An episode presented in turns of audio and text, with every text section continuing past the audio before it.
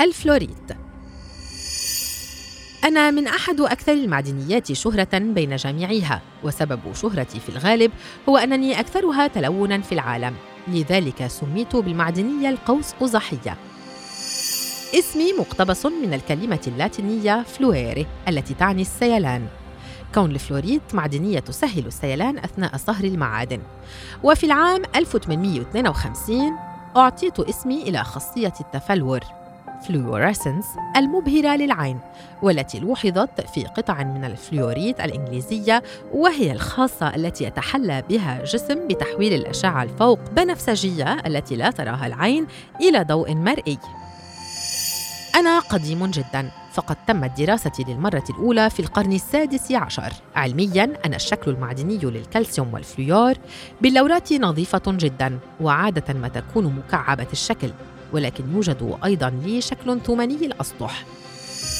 أتشكل في الصخور البركانية والجرانيت وكنت أعرف باسم ال fluorspar. أما الآن فهذا الاسم يطلق على الاستخدام الصناعي لي. لست نادرا للغاية بل أتواجد في كل الأماكن في الكرة الأرضية مثل روسيا والولايات المتحدة الأمريكية والصين والباكستان وبلدان أوروبية. في كثير من الأحيان أستخدم كحجر كريم للزينة. لكن لي الكثير من الاستخدامات التي قد تلفت نظرك. أنا موجود في الصناعات البصرية مثل العدسات والمنتجات الطبية كأدوية المهدئات. أنا مسيل لاستخراج الألومنيوم من ركازه وأدخل في تخصيب الأورانيوم وفي تصنيع غازات التبريد للمكيفات والبرادات.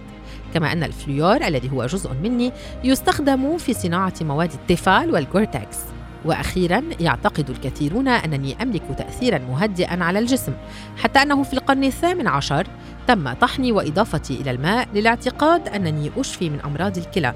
كما اعتقد الرومان أنه إذا ما وضع بداخل مشروب كحولي فإنني أجعله غير مسكر. لهذا أعتبر معدنية مميزة ومثيرة للاهتمام.